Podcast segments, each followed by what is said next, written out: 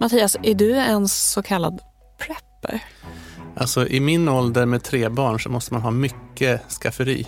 Ja, men du bor ganska stort också. Du har en källare, eller? Jag har en källare och där preppar jag in pasta Ja. och bönor och sånt som är bra att ha. Så att jag skulle nog kunna bjuda en 10-12 personer när som helst på middag.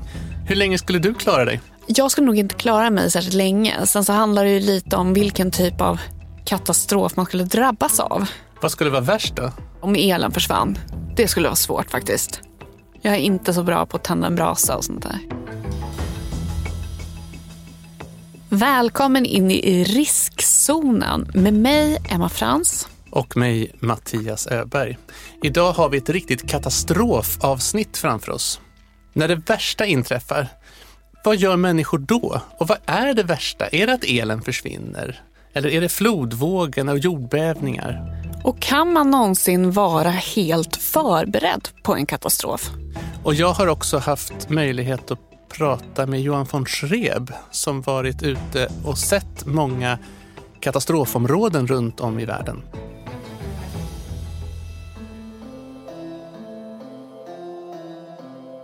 Långsamt, med bara några centimeter per år, närmar de sig varandra. Men deras storlek gör att kraften blir enorm när de möts. Fyra olika så kallade tektoniska plattor är på kollisionskurs rakt under Japan. Och den 11 mars 2011 klockan 14.46 sker den hittills kraftigaste jordbävning som drabbat landet.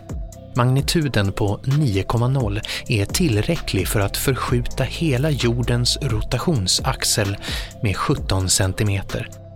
Skakningarna varar bara i tre minuter, men den plötsliga rörelsen i havsbottnen några mil utanför Japans östkust skapar en tsunami. Och om mindre än en timme kommer den att träffa den japanska kusten. Just unbelievable pictures. There's a building or a couple of buildings that are on fire and are moving with the tsunami. That is just uh something you just never seen before.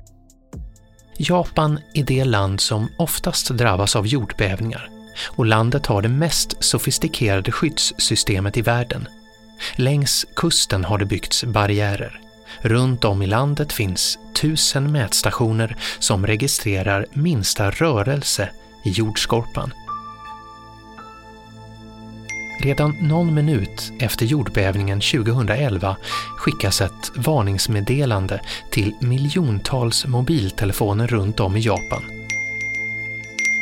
Som talar om att risken är stor för en tsunami och att de som är vid kusten snabbt behöver söka skydd. En stor fara vid alla jordbävningar är att byggnader rasar samman. I Japan är det därför förbjudet att bygga känsliga tegelbyggnader och nybyggen är konstruerade med stötdämpning. De japanska kärnkraftverken skyddas av avancerad teknik och är byggda på lager av sand varvat med stabilare material. En konstruktion som minskar vibrationer och skakningar för att skydda byggnaden. Kärnkraftverken ligger ofta placerade nära kusten för att ha god tillgång till det vatten som behövs för att kyla reaktorerna. Och de japanska ingenjörerna har också utrustat dem med nödsystem för både kylning och elektricitet. I Fukushima, 25 mil norr om Tokyo, ligger sex av Japans kärnreaktorer. I mars 2011 är tre av kraftverken i drift och när tsunamivarningen skickas ut är personalen säker på att kraftverken är väl skyddade mot vågen genom den sex meter höga vall i havet strax utanför anläggningen. När jordskalvet börjar dröjer det inte länge förrän det allmänna elsystemet slås ut. Men i samma ögonblick startar de dieseldrivna nödsystem som behövs för att kunna styra anläggningen och de fungerar precis som planerat. De första nyheterna från företaget som driver kärnkraftverken är lugnande. De uppger att det varken finns några problem med kylningen av reaktorerna eller att det skett något läckage av radioaktiva ämnen. Och under de första 40 minuterna efter jordbävningen är allt lugnt och stilla. Men så börjar havet sjunka undan på ett märkligt sätt och därefter kommer tsunamin. En våg högre än vad någon tidigare skådat slår in över land. Den är 14 meter hög och vallen i havet som ska skydda kärnkraftverken i Fukushima framstår plötsligt som en låg tröskel när vågen slår in mot land och spolar bort allt i sin väg.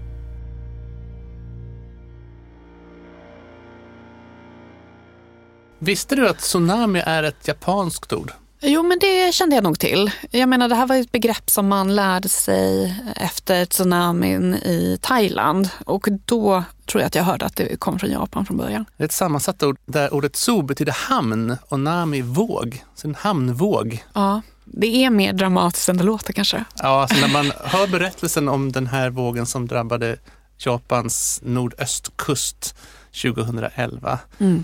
Den högsta noteringen som jag har sett i en rapport från MSB var 40,5 meter. Ja, det är helt galet. Då är det svårt att liksom stå emot. Men det här med katastrofer, Emma. Har du drabbats av någonting som du har uttryckt? Så här, Åh, det var en katastrofmorgon eller det här förhållandet var en katastrof. Eller? Jag har nog använt det ordet lite slarvigt på det sättet. Men nu har det ju varit en kris i alla fall med pandemin. Jag vet inte om man... Jag vet faktiskt inte vad definitionen av katastrof är. Det finns ju väldigt många olika typer av katastrofer och jag pratade med läkaren Johan von Schreb. Nu är professor i ett ämne som heter global katastrofmedicin på Kunskapscentrum för katastrofmedicin på Karolinska institutet. Om just det här, hur många ska drabbas egentligen för att man ska kunna kalla det för en katastrof? Finns det någon sån gräns?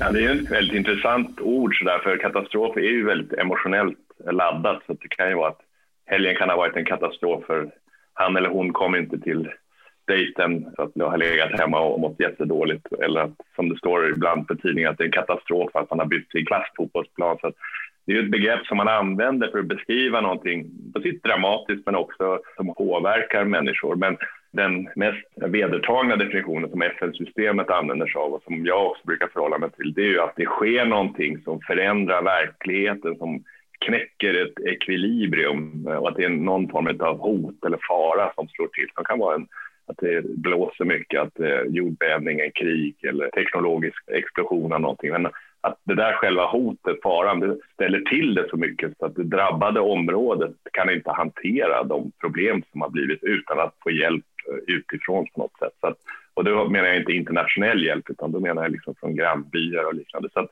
egentligen så är det inte i antal människor man pratar utan det är väl mer på samhällsnivå. Så att det kan ju vara delar av samhällen. Så när vi pratar om att till exempel nu i Indien med covid, att Indien har drabbats av en katastrof, så är det lite svårt att kalla det för det för att det är ett helt land och eh, det är mycket annat som pågår där också. Så att det är ett begrepp som är lite godtyckligt någonstans och där man inte kan säga att det här är en katastrof eller inte.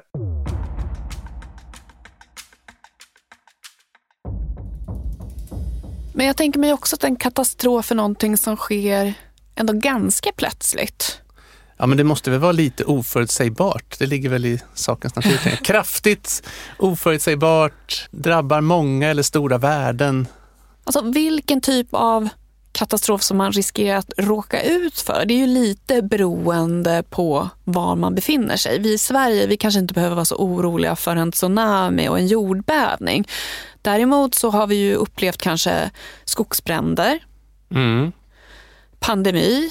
Vi hade ju svenskar som drabbades av en tsunami. Alltså vi svenskar är ute och reser väldigt mycket. Det har vi ju också blivit påminda om under pandemiåret. Samtidigt klarade ju vissa länder av det kanske bättre än andra om man tänker på den stora tsunamin som drabbade bland annat Thailand. Precis, och där blir man ju lite påmind också om hur, ja, men hur vi lever i en global värld och att människor reser mycket och svenskar befinner sig ofta utomlands. När det händer omfattande katastrofer så blir vi ju, vi blir ju alla berörda av det. Men det finns säkert vissa saker som är typiska för alla katastrofer. Alltså hur man jobbar med beredskap, att kanske göra svåra prioriteringar, att ha räddningspersonal som man också klarar av att skydda.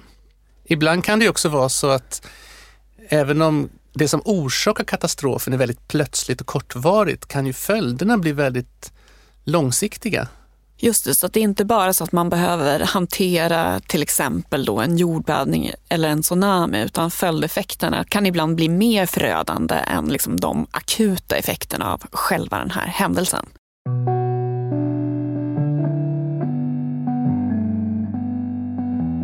Tsunamin slår in över Japan med enorm kraft. Hus krossas och stora lastfartyg spolas många kilometer in på land och blir liggande. It's heart wrenching actually because you know that probably a lot of those people did not have a chance to evacuate before the uh, wave hit. Det berättas att vågen på vissa ställen når en mil in över land innan vattnet sugs tillbaka ner mot havet igen. De dieseldrivna reservkraftverken som är placerade intill reaktorbyggnaden i Fukushima har inte en chans mot vågen. Utan elektricitet kan kärnreaktionen inte styras och nu hänger allt på att de extra kylsystemen aktiveras och fungerar.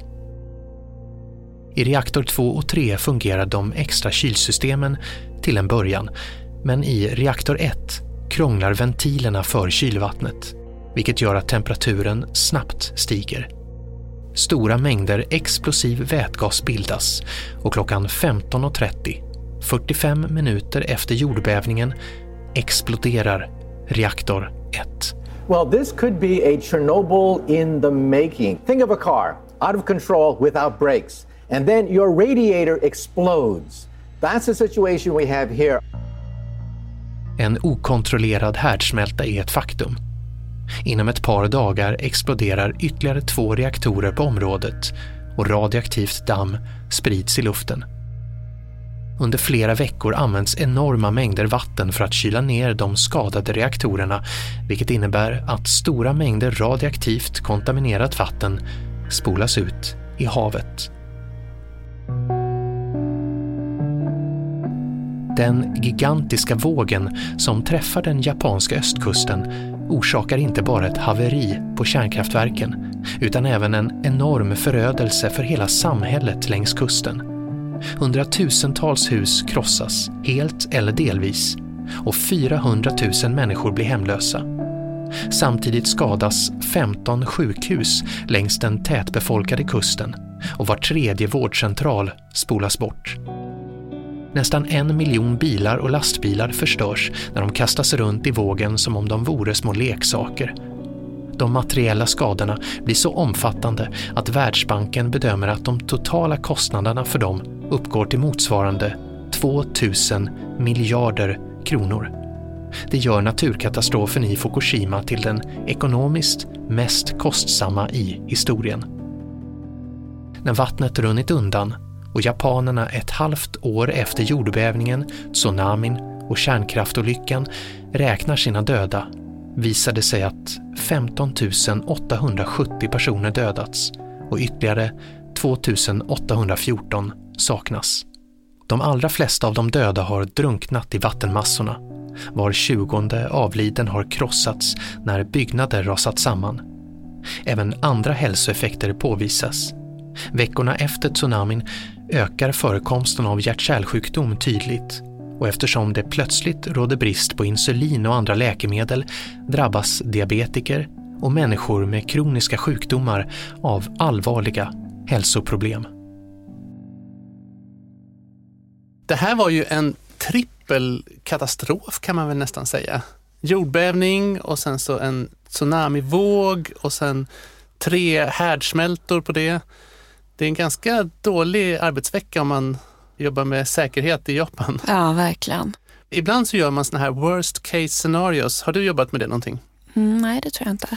Alltså att man försöker tänka ut, okej okay, men vad är det värsta som kan hända? Jag kanske har tänkt det i mitt privatliv. Alltså, ja. Typ när man ska tacka ja eller tacka nej till någonting, då tänker man vad är det värsta som kan hända? Jag tror att de även hade tänkt så här i Japan, för de hade ju ändå preppat sig väldigt väl måste man säga. De hade byggt kärnkraftverken stabilt som skulle klara en jordbävning. Men det är ju för att de är medvetna om att risken är ganska stor för jordbävningar. Ja, och det var ju väldigt få människor ändå måste man säga med tanke på kraften i jordbävningen som dog av att byggnader rasade samman.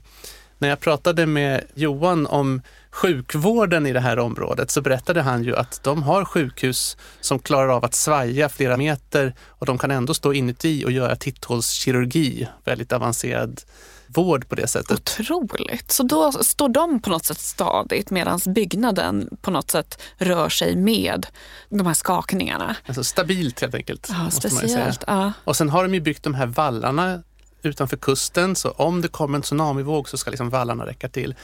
Och Fast det gjorde de inte den här gången. Nej men det är ju det som är problemet. Nej. Trots att de har liksom tyckt sig ta både hängslen och livrem och reservsystem. Och när det väl kommer så är det ändå så oväntat mycket värre än vad de har räknat med. Att det spelar liksom ingen roll. Och där kan man ju undra liksom, vilket typ av worst case scenario ska man ta höjd för? För jag menar det finns ju också en sorts gräns där man kanske på något sätt lägger alldeles för mycket resurser på någonting som aldrig liksom, ja, extremt osannolikt att det skulle hända. Så man kanske förbereder sig för mer rimliga katastrofer eller liksom mindre omfattande risker.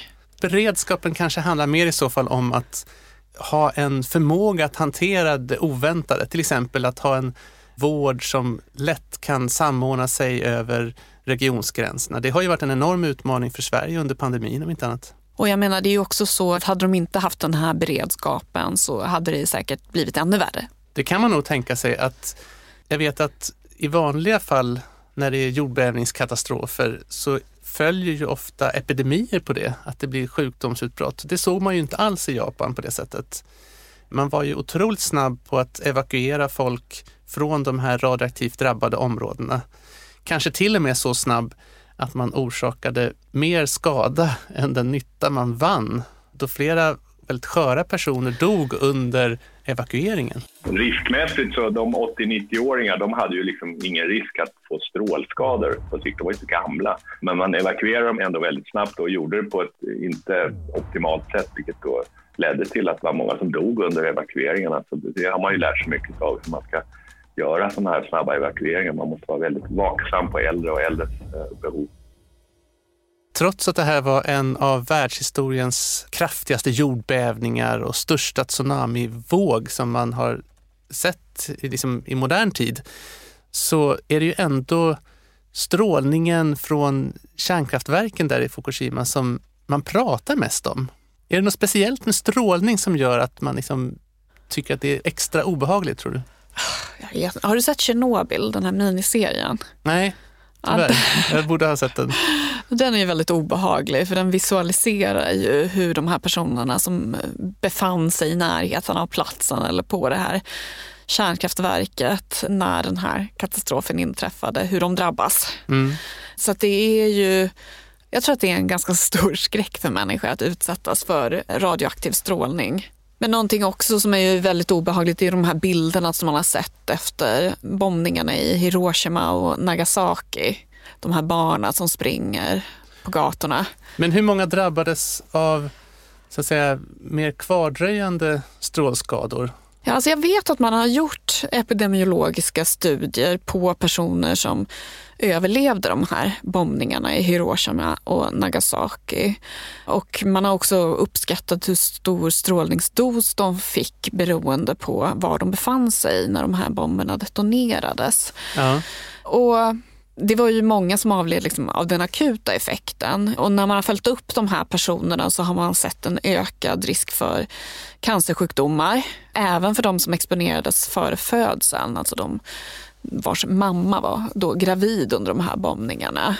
Man kunde också se då en tendens till att risken för andra typer av sjukdomar var något förhöjd. Men det fanns ingen förhöjd risk faktiskt bland barn till överlevarna. Alltså lite- de som inte liksom då låg i magen under tiden.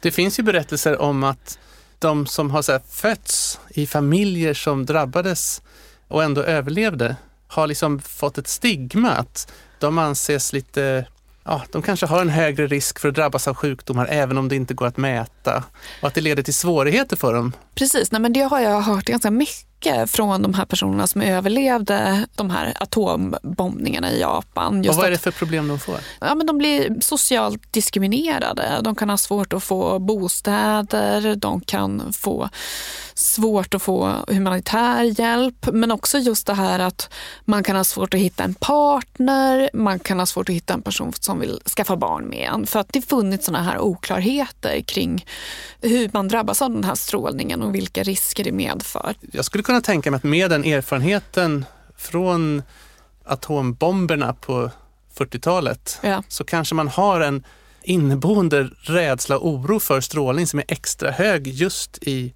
Japan. Det är väl inte otänkbart? Och att i så fall har det här drabbat människorna från Nagasaki så kan det också drabba människorna från Fukushima. Absolut, säkert. Trots att stråldosen är mycket, mycket lägre. Ja. Jag har uppgifter på att den kanske i genomsnitt motsvarar det som vi har i Sverige som bakgrundsstrålning under en fyraårsperiod. Just det.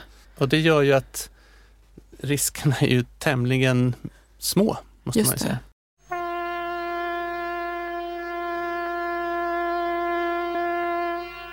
Skulle du säga att Sverige har en bra beredskap för olika typer av katastrofer? Alltså man måste ju ha en, på något sätt, om man ska ha en beredskap, det betyder ju också att det ska finnas marginaler. Och är det någonting vi har skurit på så har man ju skurit bort alla marginaler vad gäller liksom att ha saker i, lager och liknande, utan allting ska vara effektivt och det förutsätter ju att allting rullar på exakt och att det inte blir något brott i den där kedjan. För så fort det blir ett brott i den där kedjan, det är bara i mataffär så vill man ju maximera inkomsterna så att tiden varorna ligger på hyllan där ska ju vara så liten som möjligt och då om folk börjar hamstra liksom, då är det slut på nolltid. Vad är det viktigaste då att tänka på om man ska bygga upp beredskap för katastrofer? Man vet ju inte vilken katastrof som kommer Nej. komma jag. Alltså man får ju bygga upp en beredskap med vetskapen om att den kanske inte kommer att användas. Och då måste det ju finnas lite marginaler och, och, och det måste få kosta. Och det är någonting, tror jag, i effektivitetens tidevarv så, och, och det här New Public Management och alltihopa, då är man inte redo att betala för någonting så här, rikets säkerhet, ja vad får det kosta, ja, och att folk är utbildade. Det måste ju finnas en förmåga, en slags krockkudde där vi kan hantera många skadade och, och många svårt sjuka och, och kanske då inte på den samma höga nivå av kvalitet som det är nu där vi gör allting för varje patient. Och det är en svår omställning det där att gå från Eh, maximal individuell vård till bästa möjliga vården för en hel befolkning.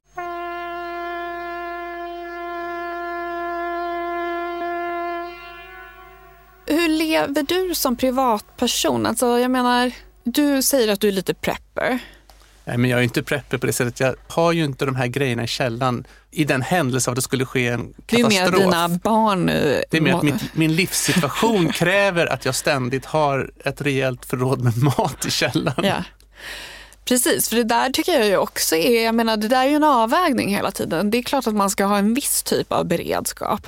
Samtidigt så är det ju också så, man kan ju inte lägga hur mycket resurser som helst eller som privatperson lägga hur mycket tankeverksamhet som helst på att liksom måla upp det värsta som kan hända och sen hela tiden ta höjd för det. Liksom, man har varken liksom ekonomiska eller kognitiva resurser. Men det är väl därför vi har myndigheter som har ett sånt här ansvar att lite då och då ändå titta över, okej, men vad skulle kunna hända? Har vi någon beredskap när det gäller pandemier Ja. eller stora kemiska olyckor?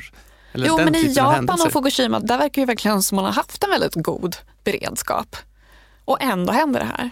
Ja, det är väl det som är lite typiskt för en katastrof. Det är liksom någonting som går utöver det man har tänkt. Annars så blir det ju ingen katastrof. Nej, då nej, kanske det bara är en kris. Precis, medan då tröskeln för att en katastrof... Man har olika höga trösklar för att en katastrof ska kunna inträffa. Så har man ingen beredskap alls eller man är ett väldigt fattigt land då får det väldigt, väldigt stora förödande konsekvenser när det händer någonting som kanske inte alls är så pass omfattande. Jag har funderat på en sak, om det kan vara så att ja, men man kan ju preppa så att säga, manka risken för att det ska ske en händelse genom att bygga väldigt, ja, i det här fallet då kanske man skulle ha byggt ännu säkrare kärnkraftsanläggningar på något sätt. Men man kan ju också påverka möjligheten att hantera konsekvenserna genom att ha en väl utbyggd och flexibel vårdorganisation. För den kan ju hantera alla möjliga typer av kriser och katastrofer.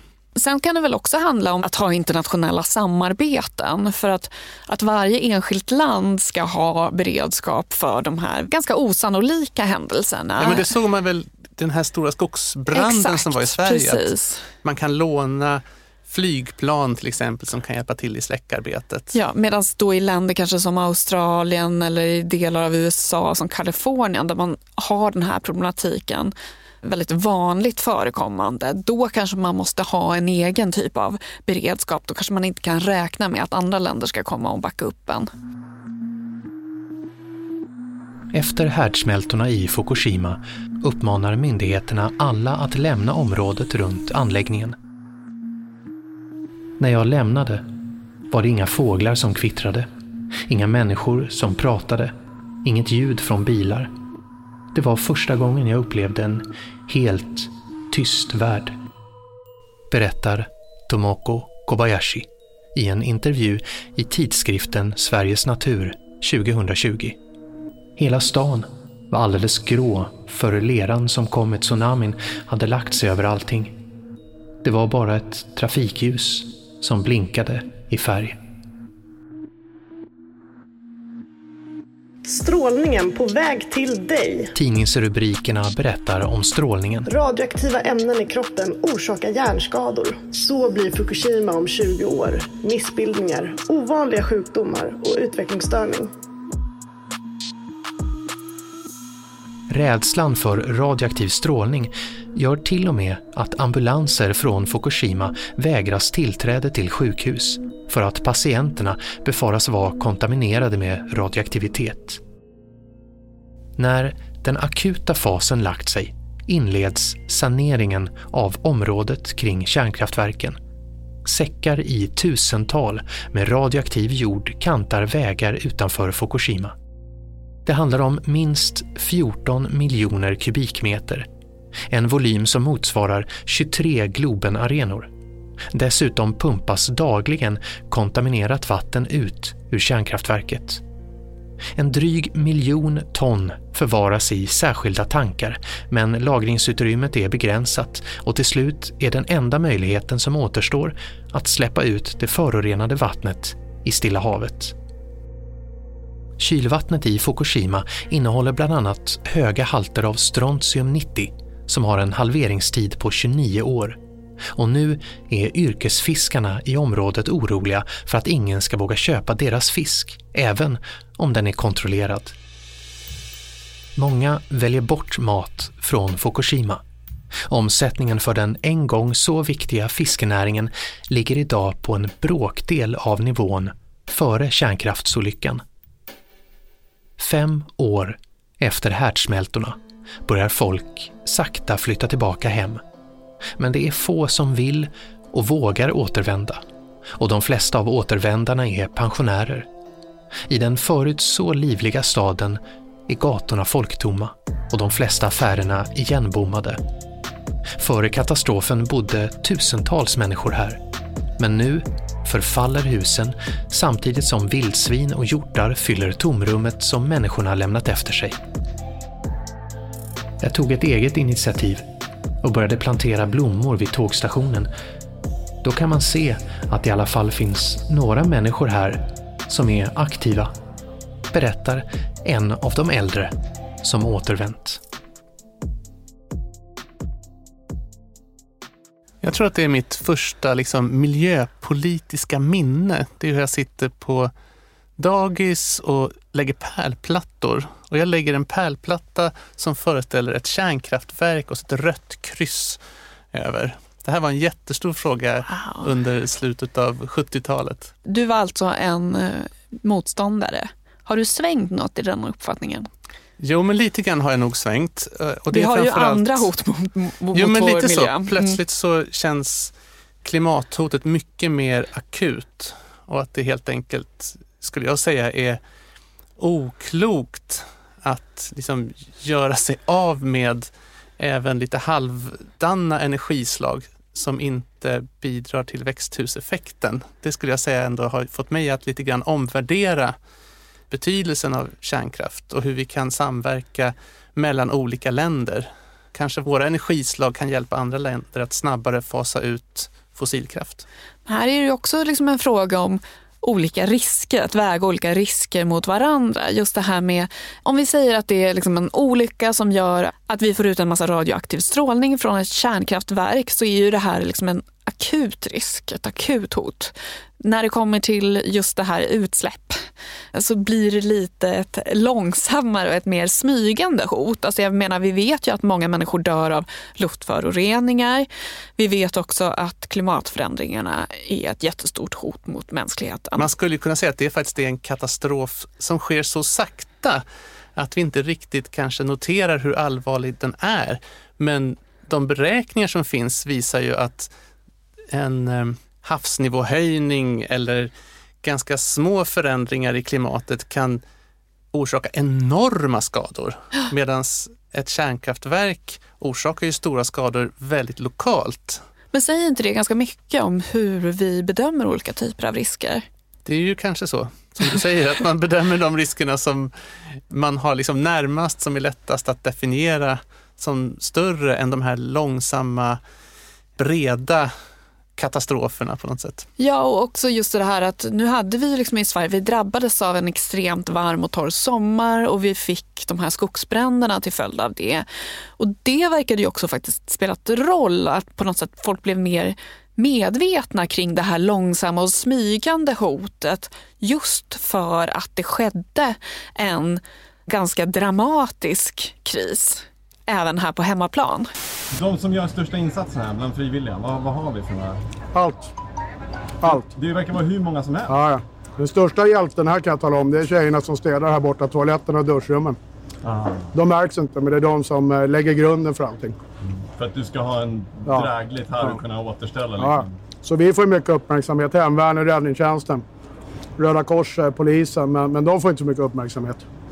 Men de gör jobbet på, som lägger grunden för oss. Vad jag förstått så var det få som avled på grund av strålning från Fukushima. Det var väl nästan ingen alls om man ska vara... Nej, det kanske inte ens var. Jämfört med 20 000 som dör av tsunamin. Ja, men precis. Men däremot så har jag förstått att det var väldigt höga saneringskostnader.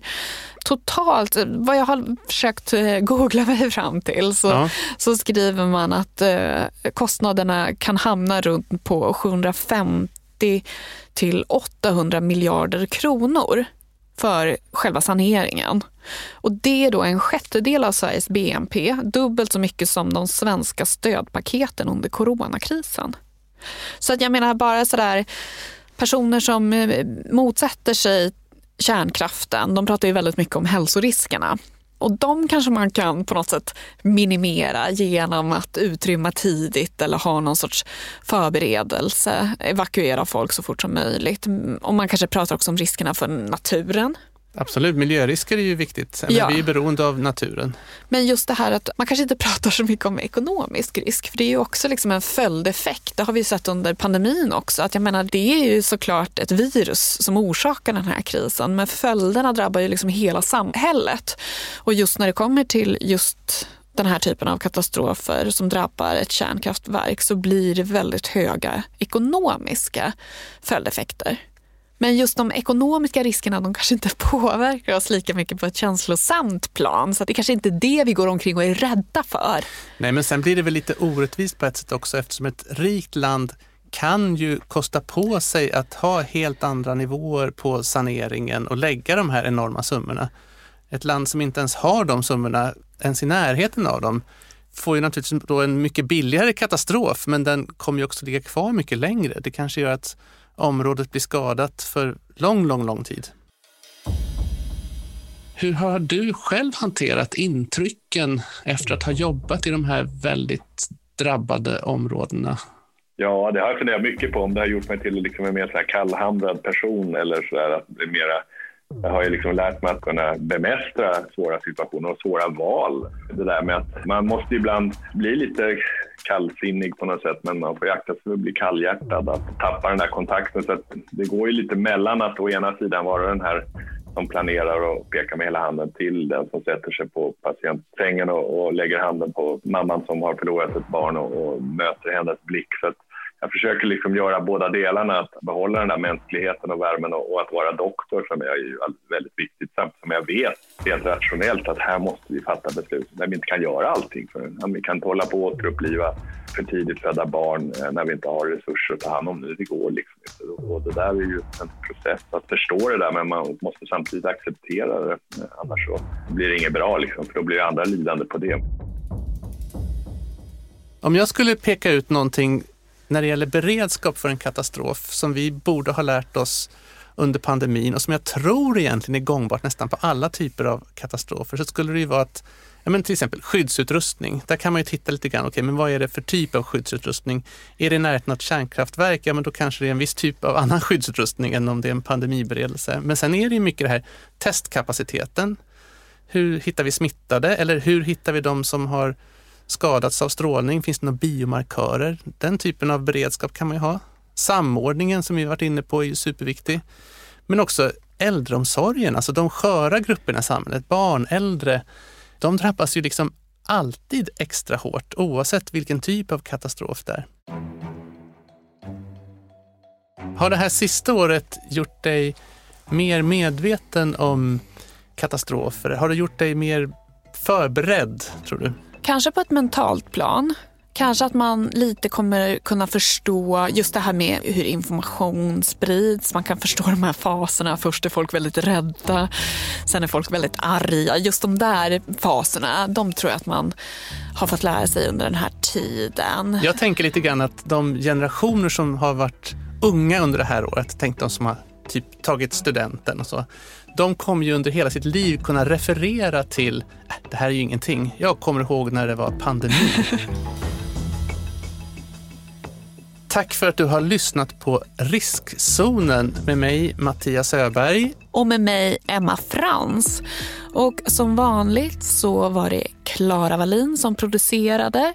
Inläsare heter Peter Öberg. Och vi tackar forskningsrådet Formas för ekonomiskt stöd till den här podden. Och vi spelade in på Beppo. Ja. I nästa vecka kommer vi att diskutera en väldigt kontroversiell fråga. Vi kommer att prata om dödshjälp. Ifall det är försvarbart av en läkare att hjälpa en människa som lider väldigt mycket att ta sitt eget liv.